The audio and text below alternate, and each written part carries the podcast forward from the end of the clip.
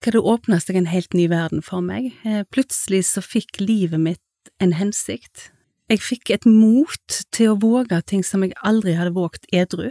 Jeg fikk plutselig et helt nytt selvbilde og en ny sjølverdi. Og det beste av alt, jeg opplevde å bli fullstendig helbreda. Velkommen til Ekteskapspodden med Silje, og Kjetil. vi heier på ekteskapet og gode samliv. Yes. Og i sesong én så snakker vi oss gjennom vår historie og de første 20 åra av ekteskapet vårt. Og så syns vi at det var så kjekt å lage podkast at vi bestemte oss for å fortsette litt til. Og med litt ujevne mellomrom så inntar vi nå podkaststudioet i kjelleren og prater oss gjennom små og store temaer. Og det er kjempestas om du slår følge med oss og abonnerer på podkasten. Du finner òg eh, Ekteskapspodden på Instagram. Der kan du sende oss inn feedback, spørsmål og tips om tema som vi bør ta opp.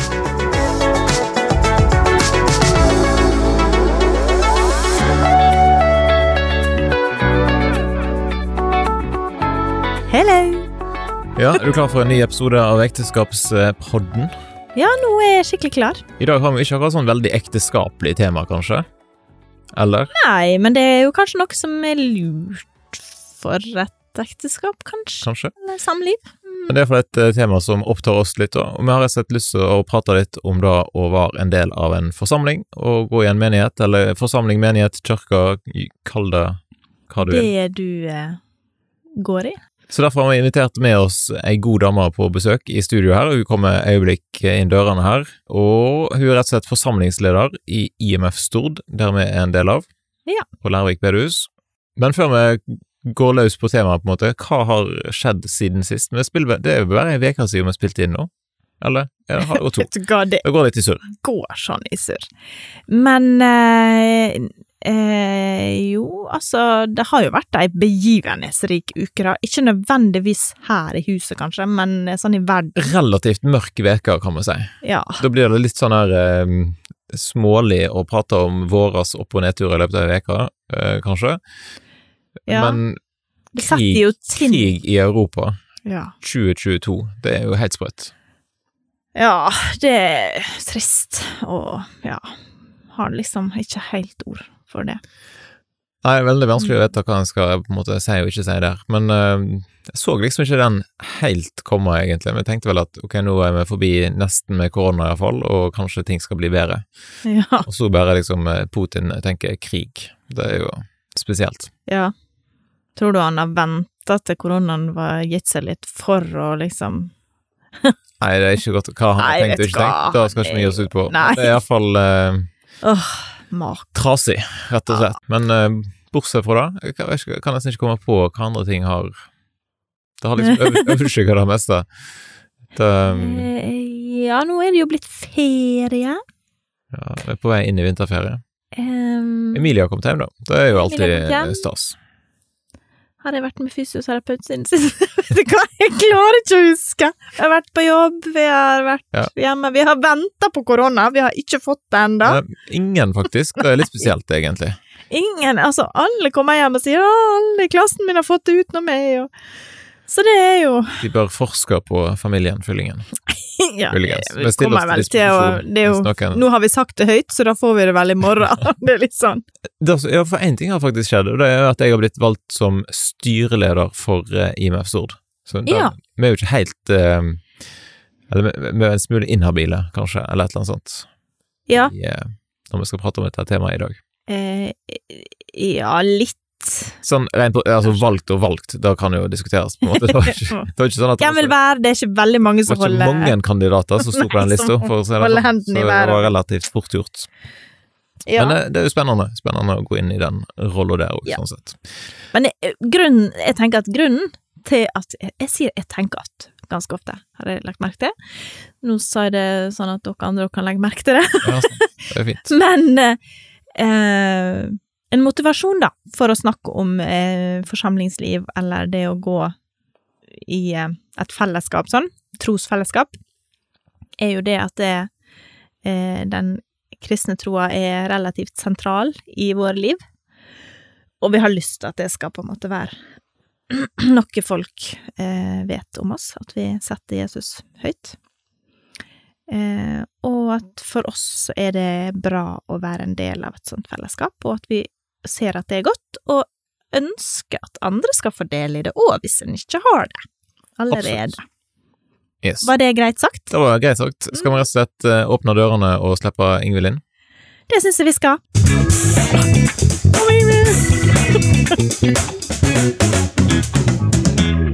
Da har vi fått besøk i studio her, og det er jo veldig stas. Du har jo vært her før. Ja, det har jeg. Eh, Hva er det du har gjort i studio her tidligere? Jeg har jo vært her og filma litt sånn små andakter da, i forbindelse med at menigheten eh, som vi er en del av, eh, sendte online nå når alt stengte ned i landet vårt. Så da fikk jeg prøvd meg her.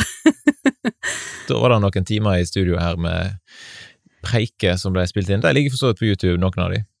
Ja. Sånn sett. Um, men Men der var det jo video i tillegg til lyd, så det er jo fantastisk. Ja. Det er jo enklere. enklere. Enklere med både video og lyd. Nei, enklere med lyd. Ja, kun det lyd. syns jeg òg. Så det. Men uh, hvis du skal presentere deg, da, for de som nå lytter på Ekteskapspodden her, hvem er Ingvild? Ja, hvem er Ingvild? Jeg er ei dame på 46, eh, snart 47, ja ja, halvt år igjen ennå da. Ja, da er det lov å si 46. Eh, som bor på Stord. Eh, jeg jobber som forsamlingsleder eh, i IMF Stord. Eh, bedehuset på Stord, Leirvik bedehus, eh, det er vel gjerne flere som kjenner under det navnet. Eh, ja, hva mer skal vi si? Jeg er gift med Rune og har to kjekke jenter som nå er flytta ut av redet. Ei på 21 snart, som bor på Bryne, og ei på 16 som går på Framnes. Ja. Har du en sånn fun fact om deg sjøl? Ja, jeg har jo det. Jeg tenkte når du utfordra meg på det, hva i all verden skal jeg si? har så mye å ta av. Men eh, jeg tenker jeg har én ting som jeg eh, regner med at ingen andre slår meg i. Og det er første året jeg bodde her på Stord, så ble jeg eh, rana 15 ganger. Hæ? Slår den dere? På Rana? åpen gate, liksom? Nei, ikke på åpen gate. Er ikke fullt så gale på Eh, Stord? eh. Nei da, det det var jo en eh, sjokkopplevelse, da. Eh, jeg drev en frisørsalong i lag med ei venninne. Og i den forbindelse så hadde vi et eh, solstudio, da, vegg i vegg. Og så lå det litt avsides, sånn at det var jo lett å bryte seg inn der på nattestid. For å Når folk trengte litt cash. Ja. Vi hadde disse myntautomatene da, vet du, Ja. den tida. Så da var det ganske stor pågang til Oi, oi, oi. Hvor masse penger fikk de da med seg? på en måte? Nei, det var jo ikke kjempesummer, så det var nok eh, småpenger de fikk med seg i forhold til hva de ødela, sant, med knuste Ja. vinduer og Åh, det er så irriterende. eh, Ah. du sier jo har blitt rana et par ganger. Nei, ja, en, en, gang var det, tok de noe, andre gangen så bare var det vandalisme, skulle jeg si. Altså, det var bare knuste. Ja. Så det bare også Men- å ta noe. Det er jo fortvila å komme til, sant. Ja, Ja. forferdelig kjedelig. Så jeg må jo innrømme at mor mi var litt bekymra for meg da, så hadde flytta til Stord, og hva i all verden for en plass dette var! Men, men de kom iallfall i, altså om natta, da. Ikke i åpningstida, så du slapp jo den. Jeg slapp å ha noe med de å gjøre. Ja, det var Men hva som gjorde at de Eller hva var det som gjorde at de stoppet på 15, på en måte? La du deg på, la du deg på lur? Nei, vi fikk kamera. Å ja, Vi måtte rett og slett eh, investere i kameraovervåking, så da ble det litt eh, roligere. Ja. Så det var et og annet drypp etter det òg, men, eh, men da roa det seg veldig, og så gikk vi etter hvert over til Ja. kortautomater. Mm, 15 ganger ja. hadde kommet ut av tellinga, da. Men Ingvild, du er jo forsamlingsleder i IMF Stord. Hva går det ut på? Ja, det kan du si. Eh, ja, hvordan skal jeg beskrive det? Det blir jo mer som en daglig leder. Eh, på mange måter, da. Eh, hvor en har eh, alt ifra å hente post til Ja. eh, sånn praktiske ting. Eh, arbeidsgiveransvar for eh, ungdomsarbeideren vår. Eh, samtaler med mennesker i ulike livssituasjoner. Eh, forbønn for folk som er syke. Eh, besøk til ensomme. Eh, og mye strategiarbeid, planlegging. Ja, Ja. litt av alt. Så det er ikke Sånn kun potet. eh, den talen på søndagen, liksom, som er Nei, det er en liten bit av det. det er det. Vi skal komme litt tilbake igjen til dette med IMF Stord, men så, så må vi jo dukke litt inn i historien din, sånn at de som lytter kan bli litt kjent med deg. Hmm. Er det sånn at du er født eh, her på Stord? Nei, jeg eh, kom opprinnelig fra Haugesund. Eh, Kvala er jeg vokst opp på. Hvor blir det? Det er ganske nord i byen, når du kommer kjørende fra Sveio, da, hvis du kjører den veien, og inn mot Haugesund, så er det på en måte det første tettbebygde området du kommer til på høyrehånda. Så der kan du egentlig se min barndomshjem hvis du kikker godt til høyre. Fortell litt om oppveksten. Hvordan var det å vokse opp da i, på Kvala? Jo, det var egentlig en eh, god oppvekst sånn sett. Jeg eh, er eldst av eh, fem søsken, og vokste opp i en heim hvor mamma og pappa var gift fram til jeg var 18 år. Jeg sjøl flytta ut når jeg var 15 og et halvt, rimelig tidlig, Ja. på. Internatskole Nei, Nei, vel, ja. det var ikke internat. Jeg begynte i lære. I den tida så var det ikke så lett å få lærlingplass, så vi var kun eh, to da på denne frisørlinja som jeg gikk, som fikk lærlingplass, så da måtte jeg flytte inn til Isvik. Hvor er det? Eh, Det er Isvik Skjold, eh, Ja. har du sikkert hørt om? Ja, Ja, nærmer seg Knapphus og inn gjennom der. ja, ja. ja. Men, eh, men der var jeg så heldig å få bo i kjelleren da til et ektepar som ikke hadde barn, så de tok seg litt sånn ekstra av meg da. Men det var jo tidlig å flytte ut, men jeg ble fort 15 og et voksen. Ja. Mm. Måtte lage mat, da. Styre Ja og. Vaske klær. Oi, oi, oi. Men har du alltid regna deg som kristen? Jeg har nok alltid trodd eh, på Jesus, og egentlig vært glad i Jesus, men eh, vi var nok i et miljø, i en menighet som jeg opplevde nok litt smal for den typen som jeg var. Jeg var jo jenta, vet du, full av liv, og hang meg nok veldig opp i disse reglene og buda, og Ja, ja, tenkte ja. at det dreide seg mye om det. Men hjemme hos oss så har jeg nok alltid fått et veldig et godt bilde av hvem Jesus er. Eh, mine foreldre de ble radikalt frelst eh, når jeg var to og et halvt år. Så de kom på en måte ifra et liv eh, med mye alkohol, rus, ja, og hadde en vennekrets som eh, det var flere som trengte frelse, for å si det sånn. Eh, som har alltid hatt mennesker innom i vår heim som egentlig har fått livene forvandla, og så det har på en måte vært en vanlig del av min oppvekst å få se egentlig Gud forandre liv, da. Så jeg har aldri tvil på at han kunne, eller at han eksisterte. Eh, men så var det disse menneskene som Ja. måte skulle være hans kirke og hans menighet, og som ikke alltid var like lett å gå i takt med, og så for meg så ble det nok litt for smalt. Mm. Eh, Og det kunne egentlig handle litt om ting som jeg syntes det var kult med hull på kne, det var jo veldig inn på 80-tallet. Ja, ja. Eh, På det- buksa da, snakker På buksa, da. Ja. og leppestift og litt blå øyenskygge og litt sånne ting. Jeg likte nok å være en fargeklatt, og i de tidene så, så var nok det litt uh, Det var litt på kanten, liksom. Ja, ikke Ja. hjemme i mitt eget hjem, men i uh, menigheten som jeg tilhørte da. Mm. Der var det nok en del tromme dult og skjørt som hang Ja. igjen hos noen da. Ja. Ja. Mhm. Men fortell litt om hvordan har da trosreisa di vært? Ja, trosreisa mi, altså som sagt, barndommen var jo prega av at jeg så mye Guds hånd. Eh, vi så mirakel i hjemmet vårt. Eh, så fint. vokste opp i et hjem hvor det var mye, hva skal jeg si, huskirke, kan vi gjerne kalle det, for eh, pappa reiste i Nordsjøen og mamma var mye alene. Så det ble på en måte til at de kom til oss da, eh, og hadde menighet der, eller levde menighetslivet i, i hverdagen. Eh, så jeg fikk et veldig sånn godt bilde på egentlig, eh, hva skal jeg si, ja, jeg følte nesten de levde som disipler, disse vennene til mamma.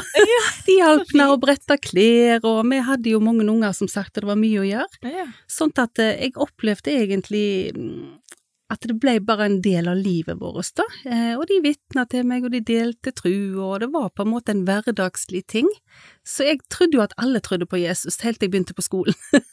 eh, og da fikk jeg nok kjenne litt mer på eh, at det begynte å koste litt mer, for mamma og de var jo veldig tydelig kristne. Og Mm. alle i feltet visste jo om at de var kristne. det gikk på en måte ikke an å ikke legge merke til det.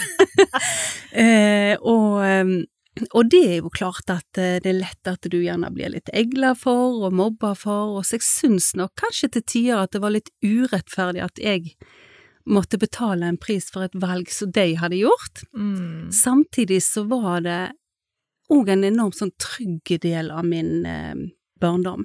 Jeg opplevde en veldig god Jesus. Lite Jeg tror aldri jeg har hørt mamma di snakke om helvete på en måte hjemme. Altså, det var ikke det det var fokus på. Det var egentlig Guds kjærlighet i praksis, kanskje først og fremst. Eh, så det var egentlig litt sånn reiser fram til ungdomsskolen, og da kjente jeg at det begynte å rive og slite litt i eh, Jeg opplevde jo Gud kalte på meg, og jeg kjente jo igjen hans stemme. Mm. Eh, For den var alltid tydelig for meg, men jeg kjente nok på at det kosta litt for mye i forhold til de tingene som jeg tenkte var så spennende. Eh, og så handler det nok kanskje litt om mennesketypene som var i mitt miljø òg, at jeg følte ikke jeg gikk helt i takt. Passte liksom ikke helt inn. eh, så da eh, var jeg på en måte lært opp til at det var viktig å være ærlig og sann, eh, så jeg kunne ikke på en måte si at jeg var en kristen når ikke jeg levde sånn. Eh, så jeg sa jo alltid til Jesus i skjul liksom at jeg Ja. tror jo på deg, men, men du ser jo hvordan jeg lever. Så jeg tenkte det var Mm. bedre å være ærlig eh, og sann, og så tenkte jeg at jeg, jeg kommer nok med likevel. ja. Ja, hvor lenge har du holdt det på? Ja, hvor lenge holdt det på? Det eskalerte jo en stund, for det er jo klart at eh, jeg var nok ei jente som var i ungdomsalderen, fikk mer og mer menneskefrykt, Mm. eh, og hadde veldig behov for bekreftelse. Elska å synge, men eh, var nok ikke der at jeg alltid vågte det edru. Sånn at eh, det å drikke, det ble veldig kjekt. Så i en god periode så var jeg nok ute og festa i seks dager i veka. Såpass? Ganske hyppig. Eh, bodde midt i sentrum og nøyt friheten eh, uten noen regler. Jeg hadde et veldig strengt hjem, for det er jo klart pappa og de som kom ifra det de kom ifra, Ja. de ønsket å beskytte meg, sånn at jeg var Jeg følte meg nok veldig vingeklipt, eh, sånn at når jeg da kom ut, så skulle alt testes. Eh, og der levde jeg jo litt i sus og dus, og hadde jo mye venner, men det var nok veldig festevenner, folk jeg egentlig Kanskje de egentlig ikke var veldig venner jeg stolte på. Eh, så det ble en sånn eh, partyboble, hvor jeg var den første som kom og den siste som gikk. Stort sett. Ja. hvordan, hvordan så den synginga ut, på en måte? Var det masse karaokebar i Haugesund? Mye eller? karaokebar, vet du, og mota meg opp.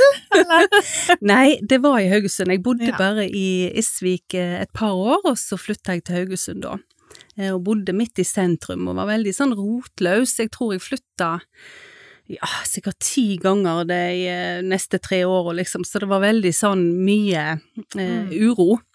Eh, og flytting og raksing og ja, mye brutte relasjoner og på'n igjen Ja. og ja. Og så eh, flytta jeg jo til Stord som 21-åring. Egentlig litt sporadisk, lite gjennomtenkt. Jeg var veldig impulsiv. jeg eh, hadde søkt på um, au pair eh, og guide, for jeg tenkte ut og reise, det må jeg. Nå var jeg liksom ferdig med utdanningen og skulle liksom ut og erobre verden, da. Og På så fikk- Stord? Nei, nei, nei. nei. Så fikk jeg avslag. Eh, og da gikk jeg jo litt i kjelleren, og akkurat samme dagen så ringte ei venninne av meg fra Stord, for her hadde jeg vært én gang i hele mitt liv. Og hun hadde fått tilbud om å drive en salong, men hun vågte ikke alene, så da var jo spørsmålet om jeg kunne tenke meg å hive meg på. Ja. Og siden jeg da hadde fått avslag, for jeg var ikke fullt 21, eh, så fikk, kom jeg ikke på denne her guide-linja, holdt jeg på å si, eller au pair. Jeg måtte være 21. Så da heiv jeg meg på, vet du, og flytta til Stord istedenfor. Ja, Motsatt vei av alle andre. Ja da, eh, og da eh, så, Sånn var det jeg havna her. Ganske tilfeldig og litt sånn, ja, spontant. Men når kom på en måte Jesus inn igjen i livet, da? Jeg var nok eh, kaldt uten at jeg tenkte så veldig over det sjøl. Eh, men når jeg tenker tilbake igjen, så så jeg jo at det var jo hele veien en bråte med kristne kunder som var inne og vitna til meg. Og jeg tenkte det var noe voldsomt hvor mye kristne kunder vi skulle ha. jeg og hun kollegaen min, da.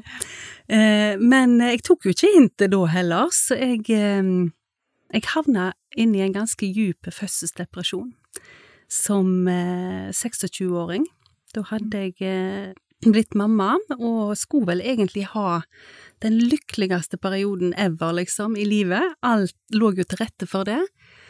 Men jeg kjente meg bare trist, nedstemt og egentlig helt på bånn. Så ikke gleden i noen ting. Og hadde jo verdens fineste datter og en god eh, samboer da på den tida. Men det var på en måte ikke Det var bare så tomt, og jeg tenkte nok ikke over at det var Gud jeg savna i livet mitt. Men jeg reiste jo hjem da til mamma og de, og da var jeg kommet så langt ned at jeg hadde bestemt meg for å egentlig gå ifra både mann og barn. Jeg tenkte at de hadde nok bedre uten meg. Eh, men eh, Rune, da mannen min i dag, han hadde ei uke igjen av sin ferie, så da reiste jeg hjem til mamma og de eh, bare for å få litt hjelp med lille jenta vår. Eh, og de hadde jo da avslutning i bibelgruppa si. Og da satt vi ute, det var grilling, og jeg hadde jo vært med på dette mange ganger, og jeg kjente jo vennene deres, og det hadde jeg lyst til å være med på. Tenkte bare det var koselig. Og ingen visste jo hvordan jeg hadde det, trodde jeg. Men eh, det som viste seg, var jo at mamma og eh, hele vennegjengen hennes, menigheten, de hadde jo vært i bønn og faste for meg siste måneden. Eh, det å faste betyr at en avstår ifra mat eh, og innvier seg veldig i bønn, da, mer enn kanskje vanlig. Eh, når ting virker litt fastlåst og ja, så det kjente de at de ville gjøre for meg. og jeg var helt uvitende om dette. Tenkte at de visste ingenting. Men eh, på denne her avslutningen da, så kom der en mann eh, som jeg la veldig merke til. Og han eh, han var så svært i øynene, det var på en måte så tomt, dette blikket, at jeg merka meg veldig han, for jeg tenkte åh, stakkar mann, liksom, når han kom forbi da og hilste så vidt på meg, og vi fortsetter nå å grille videre, og men så kom han ut ifra huset til mamma og de, og da hadde denne mannen fått forbønn. Og jeg så ikke sjølve akten, men jeg la jo veldig merke til han når han kom ut igjen, for hele mannen gløda. og jeg ser det var godt ørene sto der, for smilet det gikk liksom i rundt, og, og jeg tenkte hva i all verden er det som skjedd med han? Og jeg hadde jo sett forbønn før, men jeg tenkte er det håp for han, så må det være håp for meg òg. Hvis noen ikke vet hva er forbønn for noe, hva vil det si? Det betyr at han eh, hadde vært inne i, hos mamma og deg, og så hadde de lagt hendene på han. Eh, og bedt eh, for han, og han valgte å ta imot Jesus i livet sitt. Dette var en mann som hadde vært djupt inne i satanisme, sånn at han hadde jo vært borti andre krefter og var veldig prega av det, eh, så han Det ble en ganske helomvending, ja. det var veldig synlig utpå, rett og slett, og for meg ble det synlig på selve utseendet hans, såpass kraftig at jeg klarte ikke å la være å tenke på noe annet resten av kvelden. Eh, og han og da bare så jeg en sånn glede, for han klarte ikke å stoppe å le og smile, og altså, du bare så at det hadde skjedd noe. Og jeg ble litt sånn der Går det an? Eh, for for meg var det et så enormt skille, da, eller skifte. Mm. Men allikevel så ble det jo en kamp i meg. Jeg satt på en måte og kjempa resten av kvelden. Skal jeg spørre om de kan be for meg òg? Eh, og vi kom jo til enden av kvelden, og den ene etter den andre gikk, og jeg satt der fremdeles og kjempa, og ennå det var jo folk jeg visste hvem var, men allikevel så var det så enormt vanskelig å spørre når det gjaldt meg sjøl. Men så når det var tre igjen, da, da eh, tenkte jeg nei, nå, nå bare spør jeg de. Kan dere be for meg, for jeg, jeg har det litt tøft. Og mer klarte jeg ikke å si, for jeg bare, tårene trilla og ja, ordene tok slutt, ehm, men de ba for meg og velsigna meg. Men midt i så var det ei venninne av mamma, og hun har jo kjent meg hele livet, så stoppet opp, og så sier hun, ehm, Ingvild, det er ikke Gud du trenger tilbake igjen i livet ditt, da. Har du tenkt på det? Og det hadde jeg ikke. Jeg tenkte på en måte at han, han var der jo, selv om han var der litt på sidelinja. Mm. så jeg tenkte at vi hadde jo en viss connection, så jeg hadde på en måte ikke tenkt at han var vekke. Så jeg svarte nei ikke der og da, men jeg, eh, når jeg lå, la meg for kvelden, så kjente jeg bare en veldig sånn ro i kroppen min, eh, og det hadde jeg ikke kjent på lenge. Men jeg var jo fortsatt djupt deprimert. Og da husker jeg jeg sa til Gud, jeg var jo litt sånn Jeg forhandla jo litt med han da. Ja, det, For jeg tenkte jo at det krevde liksom så mye av meg å være en kristen. Jeg hadde på en måte en sånn liste over hvordan jeg tenkte mitt liv måtte se ut for at jeg skulle Mm. passe inn i den bobla. Så da sier jeg til Gud at eh, ok, hvis det er en kristen du vil at jeg skal bli, hvis det er det jeg trenger, og hvis det er dette som er årsaken til at jeg har det sånn som jeg har det nå, så må du vise meg det. Så jeg, det er greit, jeg skal gi deg et halvt år hvor jeg går all in, og da tenkte jeg jo liksom alt som krevdes. Ja. Da tenkte jeg Sjekklista. ja, jeg det slutte å drikke og røyke, og liksom alt det kjekke jeg holdt på med. Ja da, ikke mm, snakke skit om folk, ja, alt dette som jeg egentlig visste var rett da, og tenkte måtte til. Eh, så det er greit, Gud, jeg skal gi deg et halvt år, og da skal jeg liksom gå helhjertet inn, men da må du helbrede meg. Så jeg var ganske frimodig og sa det rett og slett sånt. Jeg eh, snakket med han på kvelden der. Og så, jeg vet ikke jeg om jeg kan si, jeg, det var ikke en hørbare stemme, men jeg opplevde en stemme som sa til meg at eh, da syns jeg du skal gi ekteskapet ditt eller Rune en sjanse til. Ok, den satt jo litt lenger inne, og var liksom ikke Mm. helt motiverte på den, for eh, vi hadde strevd ganske lenge, og det var ganske dødt, men jeg bestemte meg for å gjøre det, jeg bestemte meg for å gi det en sjanse, så jeg eh, bestilte en tur, en hoppetur til Syden, med Saga Solreiser. Eh, og ringte til Rune dagen etterpå og sa at eh, du, eh, jeg har bestilt en sydentur, og du kan være med hvis du vil. Litt sånn ganske flat invitasjon, kan jeg si. Og så ble det helt stilt i andre enden. Og jeg tenkte, hørte han meg ikke, eller liksom, er du der? Jo, nei, da viser det seg at han har bestilt samme turen, for å overraske meg. Og det ble første, hva skal jeg si, første gangen jeg la merke til egentlig Guds kanskje inngripen i mitt liv, at det, dette kan ikke være tilfeldig. For da har han bestilt fra samme reiseselskapet, samme turen, samme dagen. det skal jo ikke gå an. Men, eh, så da måtte vi jo ringe til Saga Solreiser og forklare litt eh, misforståelsen her. Og så kommer kom vi der, og vi visste jo ikke hva vi skulle eller noen ting. Og jeg kjente ikke så mange som var kristne på Stord, men jeg kjente ei dame. Og hun treffer jeg da på denne hoppeturen. Så jeg fikk jo fortelle til henne da at jeg var blitt en kristen. så det er liksom bare Går det an? Godt eh, tilrettelagt. Veldig godt tilrettelagt. Gud er god på det. Ja. På tilrettelegging. Fantastisk. Altså, da ble det et halvt år med prøve? Eller Ja, hvordan, hvordan Det eh, ble nok eh, ei tid hvor jeg eh, Jeg tenker vel at Gud motbeviste meg litt. Alt Mm. dette som jeg tenkte at jeg måtte ofre, eh, og på en måte Alt dette som jeg tenkte var en kostnad. Eh, Alt det gøye, liksom. ja, alt det kjekke som jeg tenkte jeg kom til å gå glipp av. Mm. Vet du hva, det åpna seg en helt ny verden for meg. Eh, Plutselig så fikk livet mitt en hensikt. Jeg fikk et mot til å våge ting som jeg aldri hadde våget edru. Jeg fikk plutselig et helt nytt selvbilde og en ny sjølverdi. Og det beste av alt, jeg opplevde å bli fullstendig helbreda. Fantastisk. Eh, og jeg tenker ikke det at jeg nødvendigvis anbefaler til andre å kaste tablettene, men jeg gjorde det Mm. i tro til Gud. Eh, Det var på en måte Ja, jeg kan ikke si at jeg så skriften på veggen, men jeg gjorde det. Eh, Men det er jo negativt. Barnslig nok. Så, men jeg opplevde Å se skriften på veggen, det var ikke det negativt for han i Bibelen? Jeg tror kanskje. Jo, det var gjerne Ja, så det var godt du ikke eh, gjorde. Men det var noe jeg personlig gjorde, eh, Ja. og, og det var nok fordi at jeg opplevde ikke at jeg ble noe lykkelig av disse lykkepillene som jeg gikk på, og ja, jeg kjente bare at jeg Nei, jeg var på en plass i livet hvor jeg, jeg trengte det ikke. Mm. Eh, så for hver dag som gikk, så opplevde jeg bare at egentlig livet mitt fikk mer og mer mening. Jeg så at det var en hensikt større enn bare meg og på en måte et innadvendt liv, da, om vi kan si det sånn.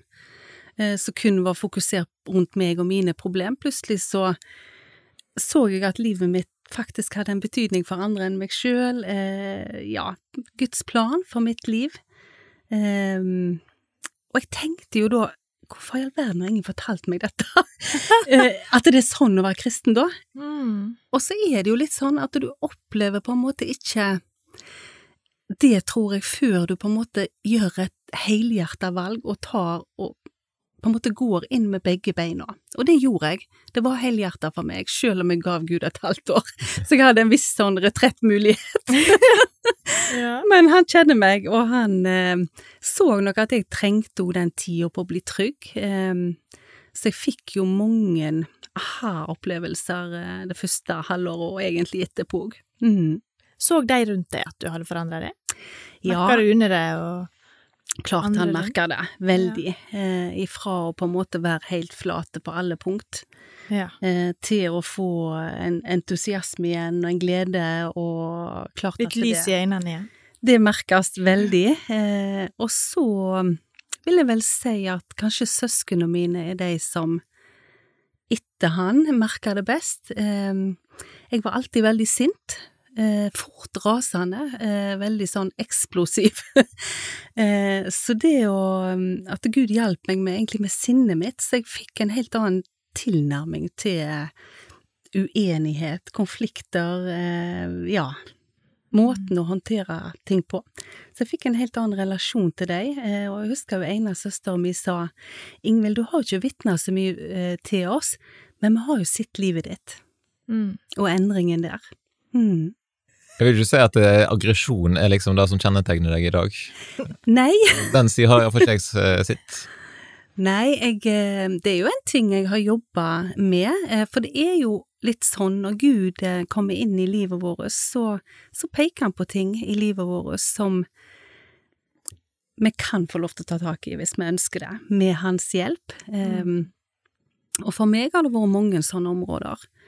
Eh, hvor han kanskje har vist meg jeg har en bedre vei for deg, Ingvild.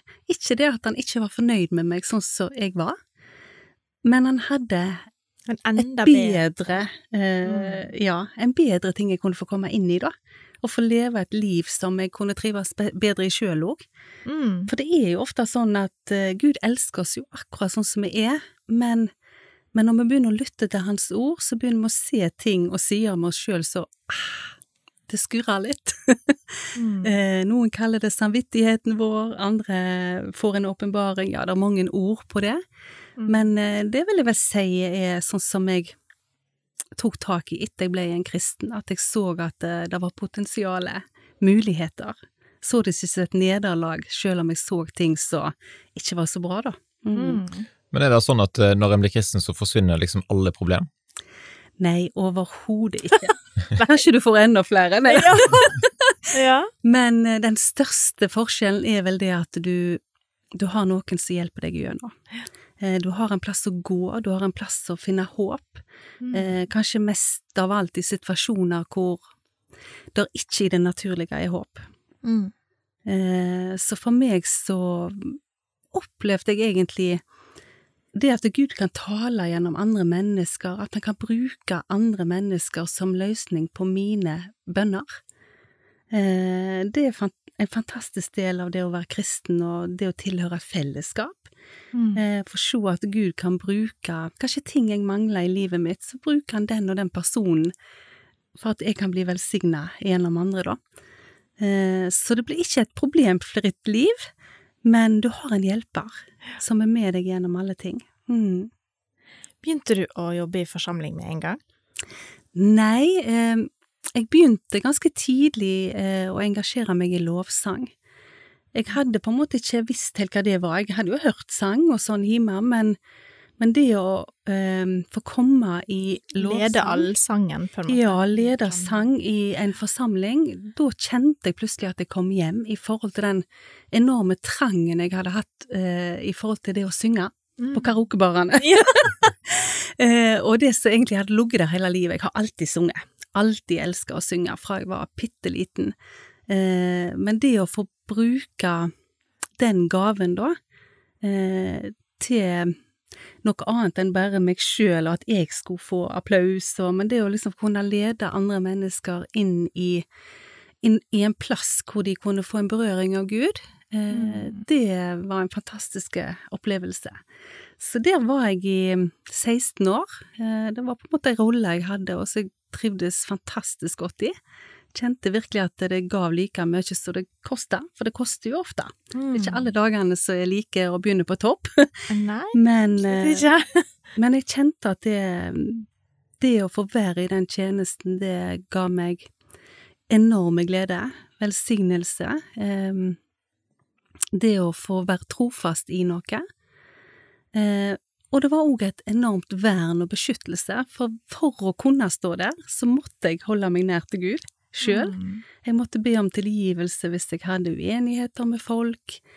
Jeg kjente at det var viktig for meg å leve sånn at jeg hadde en god kanal opp til Gud, og relasjonen med Han var i orden. Mm. Så det var egentlig en enorm beskyttelse for meg òg. Mm. Så da jobba du som frisør, og så drev ikke du en butikk òg? Jo, jeg drev en klesbutikk etter jeg solgte frisørsalongen min, så drev jeg med klær i fem år.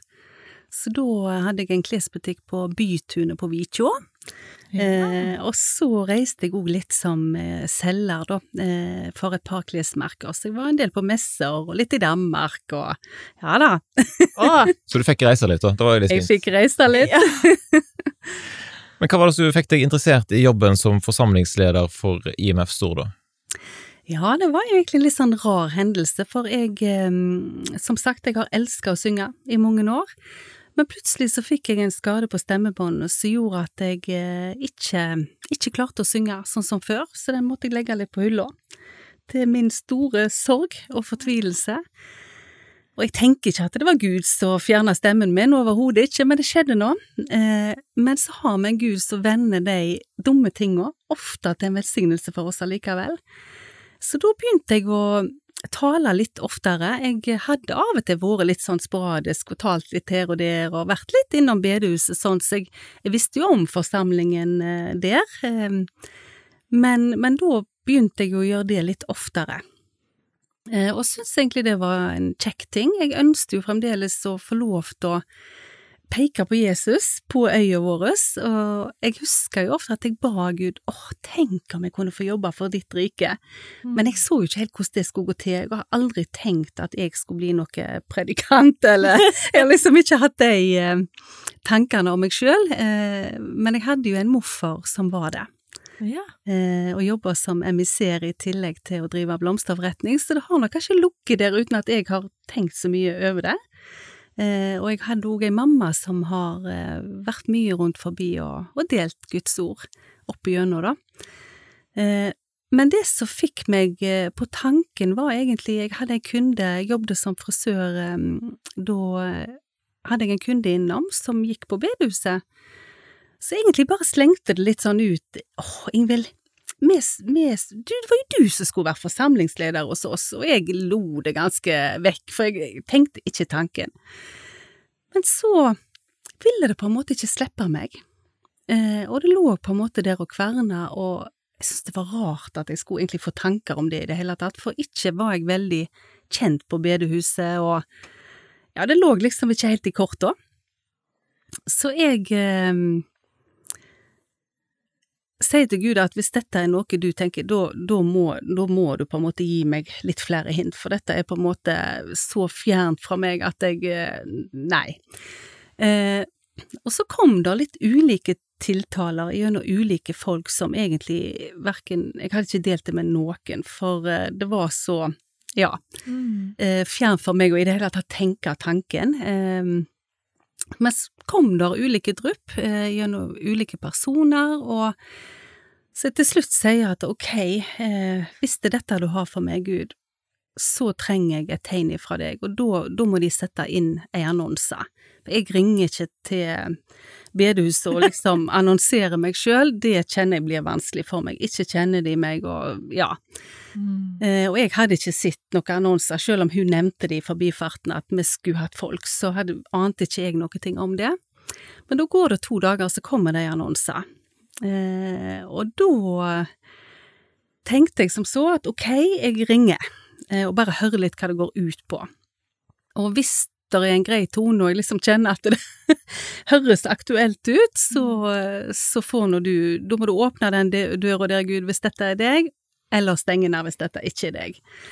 For det, dette er ikke noe jeg har tenkt i meg sjøl i det hele tatt. Eh, så jeg ringte da, og ringte først på det ene nummeret som sto der, og der var det ingen som tok han, og så ringte jeg på et annet nummer, og da var det en eldre herremann, Reidar, som tok eh, telefonen, og vi hadde en god prat. Og jeg opplevde egentlig veldig sånn sanksjon på det som jeg sjøl kjente i hjertet, i forhold til Stord, da. Eh, så da, eh, kort fortalt, ble jeg kalt inn til et intervju, og prosessen videre, og fikk tilbud da til slutt om jobben. Så det var jo noe sånn eh, Gud måtte komme med noe tegn til meg underveis, for jeg var åh, det var med sånn skrekkblanda fryd, kjenner jeg. For meg ble det veldig å nesten gå på vannet, for dette er ikke noe jeg jeg har ikke noe teologisk utdanning, og jeg har jo erfaring som leder gjennom mange år, og, og mennesker, men, men eh, ja, jeg trengte veldig tillit, eh, og ja, virkelig en bekreftelse på at dette er det, Gud. Har det, dette med å være forsamlingsleder, har det forandra seg nå i koronaperioden? Ja, eh, det har vært en veldig krevende, vært? krevende, periode å være leder. En planlegger jo mye som forsamlingsleder, eh, og det å hele veien måtte ha backup-plan, kansellere, så det var jo veldig mye av det jeg har brukt tida mi på som aldri ble noe av. Eh, så jeg kjente jo det å være i en posisjon hvor du skal motivere andre når du sjøl ikke ser veien. Dette var jo en helt sånn ukjent situasjon for oss. Det var ingen som hadde gått foran og på en måte prøvd det før, som kunne komme med noen hotte tips. Ja, nei, det var ikke så mange som var til stede i spansksyka for 100 år Nei. siden, du vet. Det var ikke så mange referansepunkt, kanskje. Så mange digitale møter heller. Nei, nei, nei. Nei, det så, var det. så veien ble jo litt sånn til mens vi gikk. Mm. Eh, og kanskje det mest krevende som forsamlingsleder var jo det at en, en har ikke de naturlige treffpunktene hvor en treffer folk og ser at folk har det bra. Mm. Eh, vi fikk på en måte ikke samles i den store flokken. Eh, det har jo vært småsamlinger og type bibelgrupper og altså mindre treff da, eh, med færre folk, men allikevel så fikk du ikke den gode så jeg må jo si, jeg kjenner jo veldig på at åh, gud, du må bevare flokken eh, Mm. der de er. Jeg vet jo det har vært en krevende periode for veldig mange. Mm. Det er jo godt nå når vi igjen kan eh, samles, da, sånn som eh, vi gjorde i dag på møtet. Fantastisk å endelig eh, kunne komme sammen. Selvfølgelig, smitten er jo i samfunnet ennå, og vi det er ikke sånn at bang, så er alt tilbake til normalen. Eh, og det vil nok bli en ny normal, vil jeg tro, òg i, i ettertid. Men jeg håper at dette var siste Ja, det nedstengningen. Det trodde vi jo òg før jul, så, så en kjenner at eh, jubelen er gjerne ikke løs eh, sånn som en gjerne skulle ønske. Mm. Det er litt sånn, eh, vi kjenner at vi jubler litt reservert. Er sånn, litt sånn yeah! Ja, men eh, samtidig. Ja. så har det vært fantastisk å nå har jo jeg hatt korona, så nå har jeg kunnet gitt folk en klem. ja, det har ikke vi. Eh, og, og det må jeg si, å kunne møte folk uten den frykten for å være den som bringer med seg smitte, eller liksom det fokuset, det må jeg si kjentes utrolig godt. Ja, vi gleder oss til det. ja. Dagen vi kan det. Men som eh, forsamlingsleder, da, så er det vel ganske logisk at du syns at folk bør være med i en forsamling, eh, på en måte. Eh, Enten IMF Stord eller andre. Mm. Men hvorfor vil du si at det er lurt eller viktig å være nettopp da? Være en del av en, eh, en sånn type gjeng? Fellesskap. Eh, det går jo egentlig helt tilbake til de første kristne, eh, de som var igjen etter Jesus eh, for opp. Det står at de holdt daglig i sammen. Og så står det òg noe i Bibelen om at sammen med alle de hellige, så skal vi få oppleve høyden og dybden og lengden og bredden i Guds kjærlighet, og hvem han er. Og jeg tror at alene så ser vi stykkevis og delt, eh, men sammen med de andre så får vi et helere bilde av Gud. Mm. Eh, og det å smis litt imot hverandre som mennesker, tror jeg òg at det er noe som Gud har behag i. Det at vi klarer å ha enhet med noen, selv om vi ikke er like, eller kanskje alltid har akkurat de samme meningene eller personlighetene. Så det å klare å gå i takt med mennesker som er ulike deg sjøl, Mm. eh, for meg har iallfall det vært en enormt sånn god personlighetsutvikling. Det å tenke at eh, de vi er i lag med, de har like mye å lære meg som jeg har å lære dem. Det å ha et ønske om å være både lærer og elev. Um, se etter gullet i andre. eh, og hele Bibelen er jo full av eksempel på dette med kroppen. Det er jo et bilde Gud bruker på menigheten sin, hvor vi har eh, en kropp som har masse forskjellige lemmer. Noen ører, øyne og alt dette her. Eh, og vi som kristne eh, får jo ofte betegnelsen at det ene er gjerne øyne, ene øyre, ene hånda. Og vi kan ikke si at vi ikke trenger hverandre. Så jeg tror jo at hvis ikke folket er der, så får vi òg en litt haltende kropp. Den kroppen som egentlig skulle ut og vise plassen vi bor på, landet vi bor i, hvem Gud egentlig er. Vi er jo hans hender og føtter. Han har gjort seg avhengig av oss, selv om han er allmektig. Mm. Så vil han at kroppen sin, eller menigheten, det er både globalt, eh, nasjonalt, lokalt og ulike typer menigheter.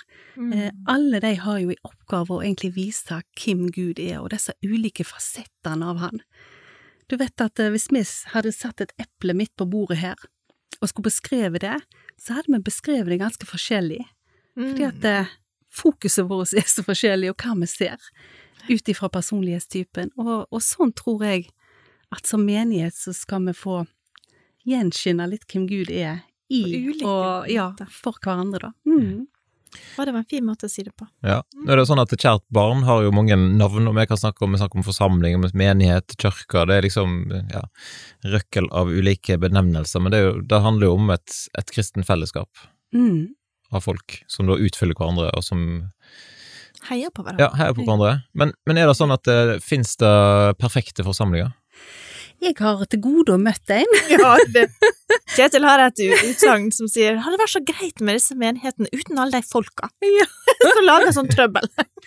Og Og det er veldig sant, da. Vi er jo mennesker. Og det er jo klart at det er nok litt av hensikten å være i en menighet, for at Gud vil at vi skal både kappes om å hedre hverandre, og det å Og elske hedre som å kappe hverandre. Ja, det å elske noen som er ganske like deg sjøl, det krever egentlig ikke så mye. De som er veldig elskverdige. Men Jesus snudde jo på det, sant, dette med å elske fienden sin og velsigne de som kanskje forbanner oss. Da blir det litt mer eh, krevende. Mm. Eh, og jeg tror jo litt av hensikten med menighet er jo nettopp dette her at vi eh, skal tåle hverandre, skal, skal på en måte romme hverandre. Det står at kjærligheten skjuler en mengde med feil, og det ligger jo naturlig i oss å ville liksom vise andre sine feil for å skinne litt mer sjøl. Ja. Men Guds ord peker på det motsatte, så det er jo litt sånn fascinerende, da.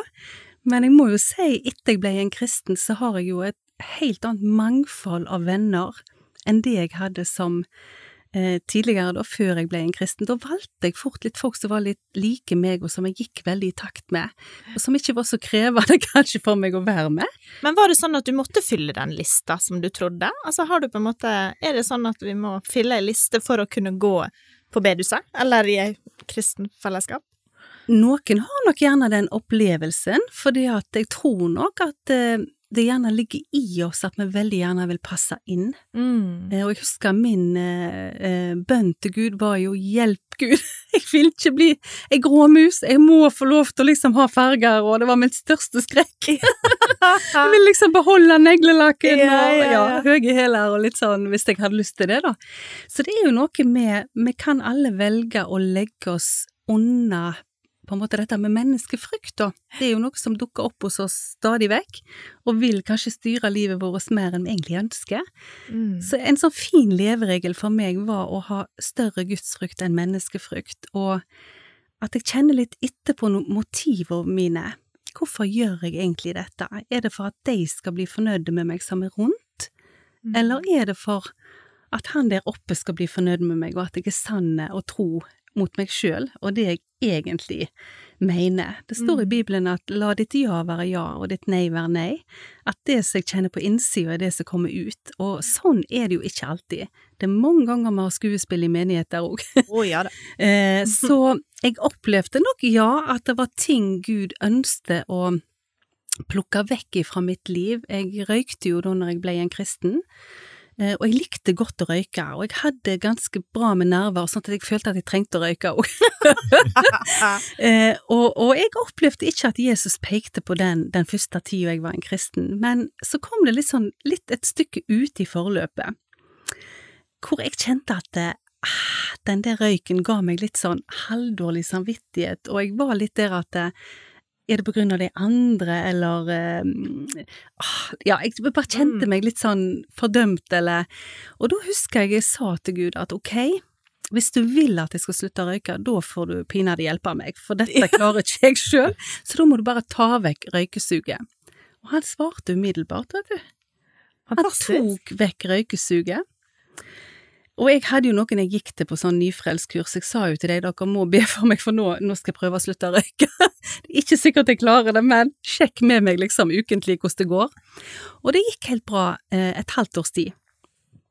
Så merka jeg at eh, den hjelpen jeg fikk av Gud, den, den begynte å lette. Da måtte jeg stå i det sjøl. Eh, og da begynte jeg å smugrøyke litt igjen. Eh, og jeg kjøpte ikke sjøl, men jeg bomma litt av Rune, da, mannen min, for han røykte jo fremdeles. Eh, oftere og oftere, men da var forskjellen det at jeg, jeg gjorde det ikke offentlig. Jeg skjulte meg, så vi for ut på fisketur, og der kunne jeg liksom røyke uten at noen så meg, da. Ah, ja. Og da hadde jeg liksom den der, kan du tenke deg. Men sånn var det. Og det skjedde jo oftere og oftere, og til slutt så var jeg så stressa en dag at jeg befant meg inne på Skjell og kjøpte en 20-pakning, og kunne ikke vente til å komme meg ut på hytta i båten. Skulle ha meg en røyk. Og så kom jeg over Bømlabrua, så hører jeg ei røst som sier til meg, Ingvild, hvis du åpner den pakken og tenner den sigaretten, så er det røyken som kontrollerer deg igjen. Ønsker du det, at røyken skal kontrollere ditt liv, eller vil du være herre sjøl? Og jeg stokk altså sånn at jeg tenkte ja, det er jo det som skjer. Da blir jo jeg en slave for røyken og ikke har egentlig kontroll sjøl. Så da stoppet jeg midt oppå brua og blekte hele pakningen på sjøen uåpna, og etter det så har jeg ikke hatt lyst på en røyk. Bank i bordet. Men er det sånn at ingen på Lærvik bedehus får lov til å røyke? Jo, det kan godt hende de gjør. Ja. og det som jeg tenker er viktig i din vandring med Jesus, eh, enten du er helt ny på veien eller har gått med han i mange år, at du kjenner etter hvis du skal slutte med ting eller begynne med ting, altså hva er motivet ditt? Gjør du det for at de andre rundt deg skal bli fornøyd med deg, eller gjør du det for at Gud har pekt på noe i ditt liv? Mm. For jeg tenker jo at Gud ønsker ikke vi skal være slaver under noen ting, enten det, det kan være så mange ting. Eh, det kan være pornografi, det kan være mat, det kan være røyk, det kan være så mange ting, og ting i det skjulte. Eh, og han ønsker jo at vi skal få leve et liv i frihet. Det er jo derfor han peker på ting, men da vil han òg gi oss styrken og kraften til å klare å stå i det, til å klare å slutte med ting. Mm. Men vi må komme der at vi har et ønske sjøl, for livet med Gud er ikke tvang. Han vil vi skal komme i alle ting frivillig, òg når det gjelder å ta imot han. Han venter til vi er klar. Fantastisk. Men å ta steget inn på et bedehus da, eller i et kirke, da kan eh, for folk oppleves ganske vanskelig, tror jeg. Eh, og at vi, vi kan snakke om at det er høy terskel på den type hus. Hvorfor er det sånn? Jeg tror nok litt sånn som jeg hadde, at en har nok en tanke om kristne, at de er så vellykka. Og jeg tror mange ganger at det handler litt om at eh, kanskje når de kristne hva skal jeg si, deler fra eget liv, så har vi så lett for å dele glansbildene. Alt vi får til. Eh, en av mine favorittforkynnere har vært ei som heter Joyce Mayer, og jeg syns hun er altså så kul, for hun har delt nederlagene sine, de tingene hun ikke fikk til, de tingene hun gikk på en smell igjen og igjen og igjen, det gjorde at jeg fikk tillit til henne. Eh, og jeg så at og det er håp for meg òg. Dette med å være underveis, vi er ikke i mål, så jeg tror kanskje hvis bedehuset hadde vært litt flinkere til å bud på at eh, jeg er underveis, jeg er ikke fullkommen, jeg er ikke perfekt. Og jeg Mm. tror nok kanskje vi er flinkere til det i dag. Eh, det å ikke bare dele glanshistorien, men å dele ekte liv. Eh, vi har jo bibelgrupper i forsamlingen, og mange andre forsamlinger òg har jo det. De kaller det forskjellige ting. Huskjerker og cellegrupper og ja, kjært bar- barn har mange navn. Men der deler vi jo ekte liv, både utfordringer og, og ting som vi syns er vanskelige, ting vi, vi faller jo i synd fordi vi er kristne, men Ja, eh, forskjellen er at vi reiser oss opp igjen og Ja. får tilgivelse og nåde.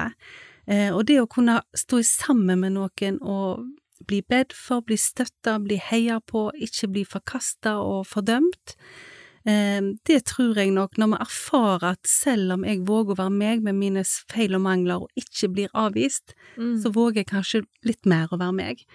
Eh, så jeg tror nok Forhåpentligvis så vil erfaringen være en annen enn det en kanskje tenker det er når en skal nærme seg et bedehus. Mm. Ja, eller, Eller et kristent fellesskap. eller- ja. Mm. Jeg har ikke lyst til å si at hvis det er noen der ute som prøver seg og, tenker at nå skal jeg være modig, og dette har jeg ikke gjort før, jeg prøver meg inn, og det ikke er noen som ser det eller sier hei, Mm. så er det de som har et problem, det er ikke du. Mm.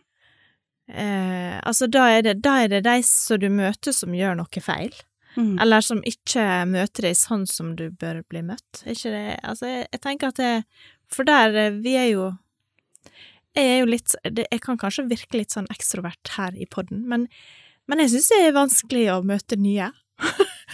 og det er jo på en måte små, eh, sånn small talk og eh, Kanskje er jeg vanskelig å møte i Altså, jeg er ikke rettet til å stå og ønske folk velkommen. men, men og hvis eh, Og sånn er det, men ikke gi opp, tenker jeg da. Ikke, ikke slutt å gå hvis at det Eller liksom, åh, nei, dette tør jeg ikke flere ganger, fordi at de var så eh, Ja. Eh, De var så mørke i fjeset, eller Prøv en annen plass! Prøv en, altså, ikke gi opp Jesus for det om at vi mennesker er tullete. Og så er det jo Har vi jo hva skal jeg si, ulike forsamlinger med ulik stil, sant? Ja, for, for noen blir veldig betjent gjerne gjennom liturgien i et kjerkerom, andre liker det friere i snippen og mye Mm. sang, altså sant, så, så forsamlingene, det er jo grunnen til at vi har ulike typer menigheter òg, fordi vi er forskjellige som folk og, og ulike ting appellerer til oss. Men jeg er enig i det du sier, Silje, at det første møtet med forsamlingen er kjempeviktig. Jeg Mm. husker når jeg kom inn, eh, det var jo en liten forsamling, jeg ante ingenting, jeg hadde bare fått et tips, eh, og det var de som var de første som åpna etter sommeren, for jeg ble frelst på sommeren, og alt var stengt. ja, det er for alle. Så jeg eh, gikk på den første som liksom annonserte at de åpna igjen, da, og jeg så jo for meg, for jeg kom jo fra Haugesund og hadde vært med mamma der på møter, så jeg så for meg en sånn 200-300 mann, i hvert fall, at jeg bare kunne skli litt inn bakerst Ja. i lokalet. Og der kom jeg opp ei trapp, og der sitter altså ni andre der oppe, og jeg har aldri følt meg så synlig i hele mitt liv. Og jeg kom jo, vet du, stæsja etter fingerspissene i sky... Ja da, jeg, vet du, det var ingenting å utsette på hverken sveisen eller Og hjertet dundra. Men, og jeg satte meg ned, og jeg kjente bare at jeg Jeg har aldri følt meg så utilpass, men så kommer der ei skjønn eldre dame bort til meg, og så sier hun du, du har ikke lyst til å sitte med oss. Og vet du hva? Det var redningen. Alt som skulle til, liksom. Ja, det er ikke Og så så mye som var det en annen ting òg, som var litt sånn godt for meg, for jeg hadde jo vokst opp tidligere, altså i barndommen så hadde jeg jo sanger og sånne ting ifra den tida. Og en kan mange ganger tenke at eh, kirka er lite fornya i sitt valg av musikk, Mm. men for meg så var det fantastisk at det kom to sanger som jeg faktisk kunne. Ja. Så det var litt sånn oi, ja, tenk jeg kan være med. så bra. Ja, men jeg, jeg tenkte på det når vi forberedte denne her, eh, saken her, da, at det er jo ikke kun i, i kristen setting at det da kommer inn en ny plass kan være krevende. Altså, jeg var Jeg stilte på et årsmøte i en klubb som, som jeg var blitt med i, uten å nevne hva klubb det var. Men det, da følte jeg meg så dum da jeg kom der. Heldigvis hadde jeg jo ei som, som jeg gikk sammen med. Eh, og hadde jeg ikke hatt hun der som jeg kunne prate litt med, så hadde jo jeg ja, For det var jo ingen som, som sa hei, eller da, hvem er du, eller Så, så jeg tror jo i alle den type settinger så må vi jo både jobbe med oss sjøl når vi våger oss inn der, og så må alle egentlig ulike klubber og forsamlinger og menigheter, alt må jo jobbe med hvordan møte med nye folk som kommer, på en måte. Mm. Sånn at en har sånne som hun gamle dama som, eh, som tar imot nye som kommer inn. Mm. Og det handler jo litt om kanskje hvor trygge vi er på oss sjøl òg, det å våge å rekke ut ei hånd til andre. Jeg må jo si, eh, sånn som i forsamlingsarbeid så ser vi jo at viktigheten av kanskje de litt mindre fellesskapene, hvor det er lettere å bli kjent, litt mer personlig. Og, og nå i koronatida så, så har jo det vært en fantastisk eh, treffplass for mange. De har samles ute rundt bålpanna, og vi har jo en guttegjeng som jeg syns har vært litt sånn kreative der, for der kom der inn en eh, ny person. Og han kjente jo ikke de som egentlig var en ganske etablerte vennegjeng eller kompisgjeng fra før, da var ei reine mannegruppe.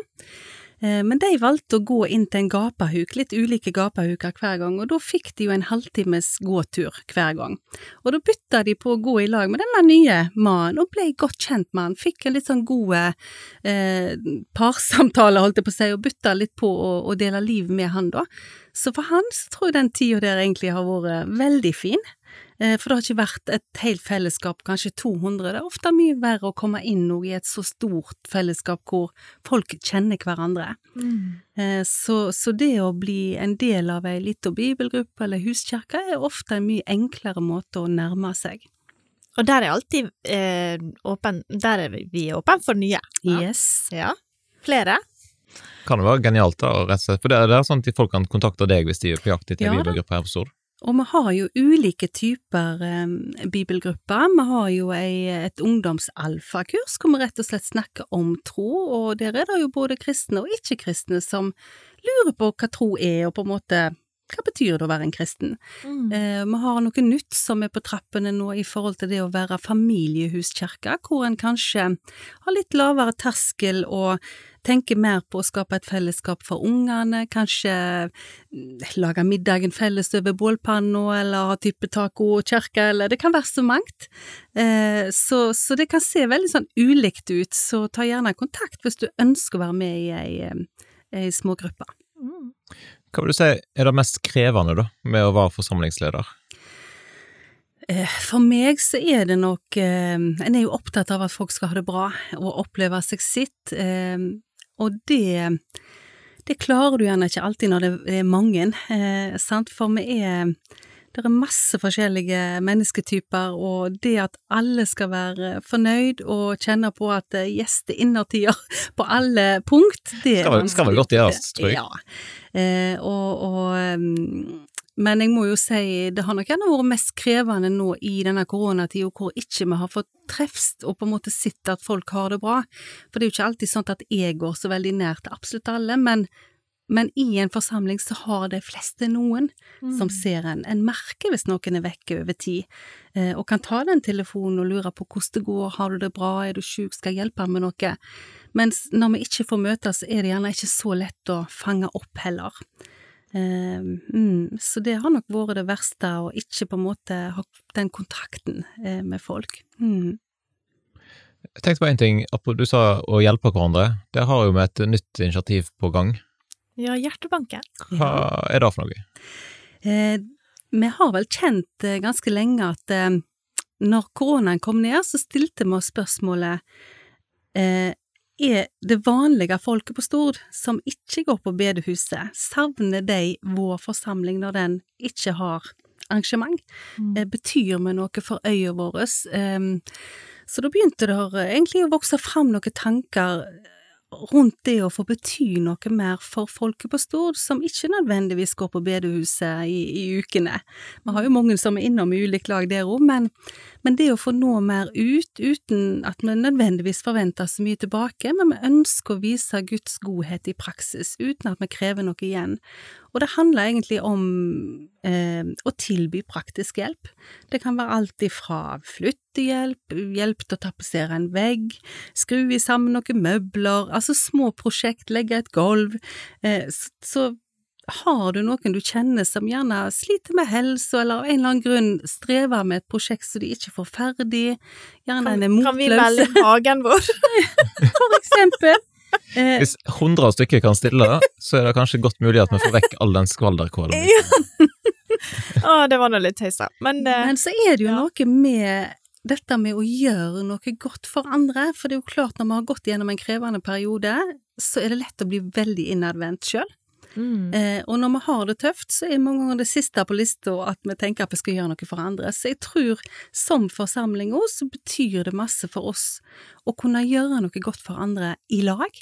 Det å få litt de gode opplevelsene i sammen. Og vi har jo vært så vidt innom det med denne Godhet eh, Norge, da, som har vært i mai. Eh, flere år på rad, hvor flere av oss har eh, egentlig kjent at åh, det der var kjekt.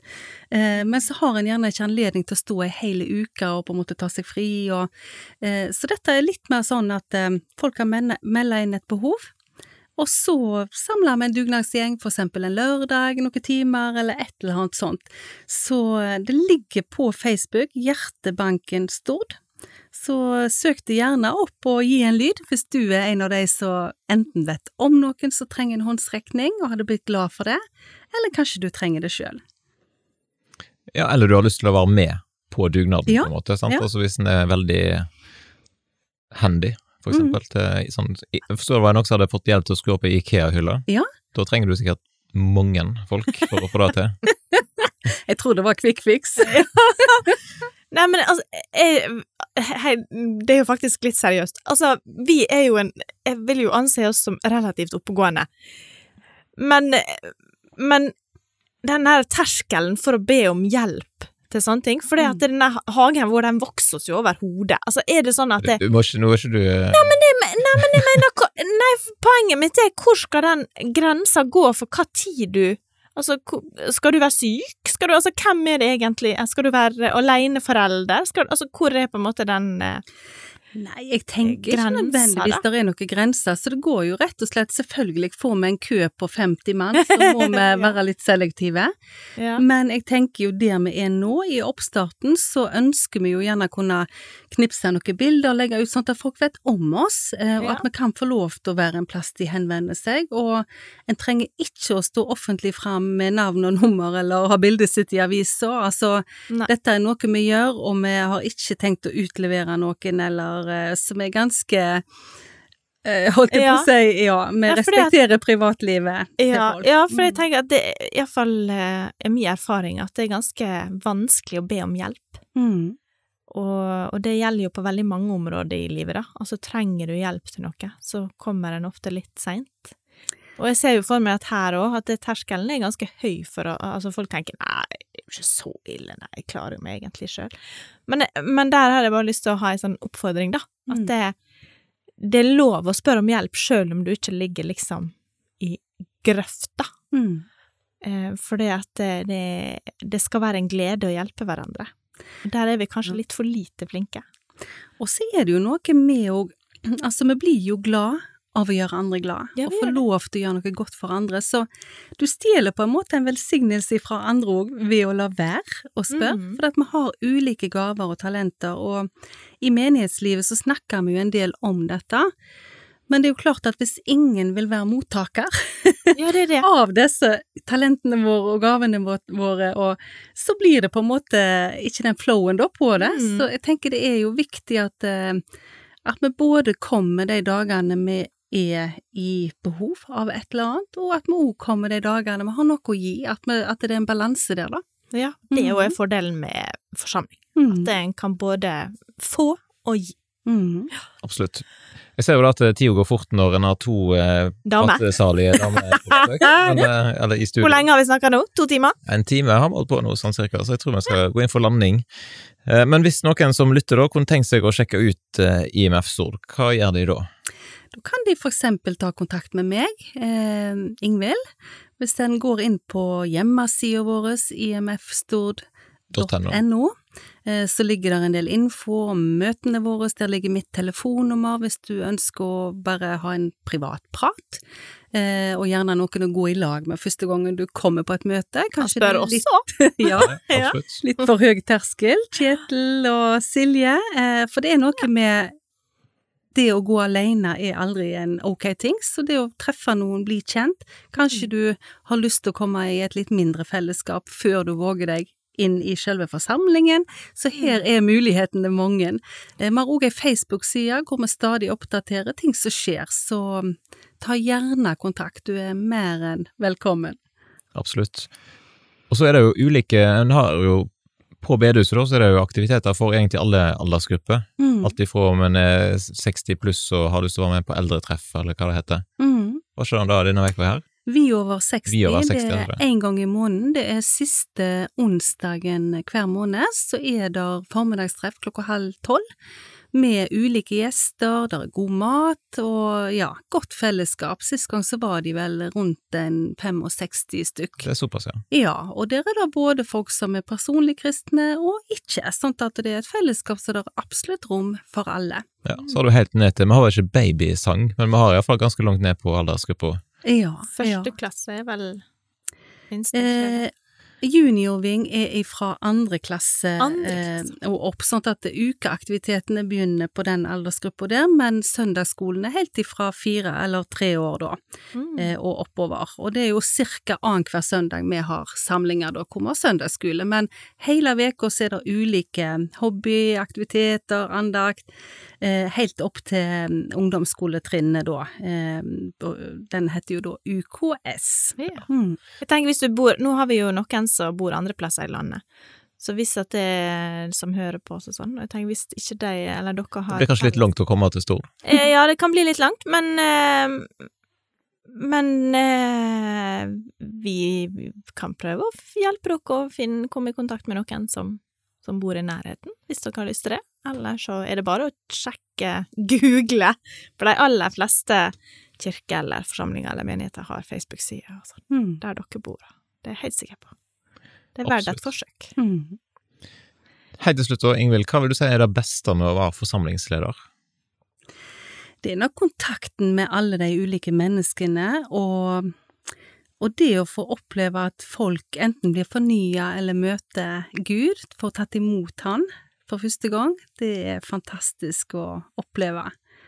Eh, og òg litt sånn som meg, at de opplever at Gud har en hensikt med livet deres. Det er ikke kun å eksistere, det er Mm. faktisk noe mer. Det er fantastisk å være vitne til. Mm. Å ha besøk av Ingvild, det har vært veldig kjekt. Absolutt. L- Litt lang episode, kanskje, så beklager da hvis noen har blitt lei. Men hvis de har blitt lei, så hører de ikke dette her uansett, så det går sikkert bra. Ja. Har du spørsmål til det som vi prater om, så går det jo fint an å ta eh, og sende oss en melding på Instagrammen til Ekteskapspodden, for eksempel, eller en e-post til ekteskap etter lekenelett.net. ja. Det er jo kjekt med innspill. Innspill Syns du dette her var kjempeteit eller kjempebra? Mm. Vi er åpen for eh, konstruktiv kritikk. Ja. Kanskje. Og oppmuntring. Oppmuntring, ja. Ikke minst. Eh, veldig stas med folk som sender melding, eller folk som sier til oss ansikt til ansikt at de syns at det er stas med Ekteskapspodden. Det er veldig kjekt. Uansett, vi ønsker dere alle ei eh, sånn eh, noenlunde grei uke. Har du vinterferie, så må du jo prøve å nyte det mest mulig. Ja, Og har du begynt på igjen på jobb, så lykke til med det. Yes. Vi skal ha litt ferie. Innimellom. Ja. Ok, vi poddes kanskje plutselig igjen. Så sant Jo da. Jo da. Vi poddes plutselig igjen. Yes. Da sier vi tusen takk for at du lytta til dagens episode av Ekteskapspodden. Del gjerne podkasten med noe som du tror kan eh, synes at den er gøy. Og eventuelt, om du er helt vill og gal, da kan du skrive en anmeldelse i Apple Podkaster, eller gi oss noen stjerner på Spotify. Til neste gang, ta godt vare på hverandre.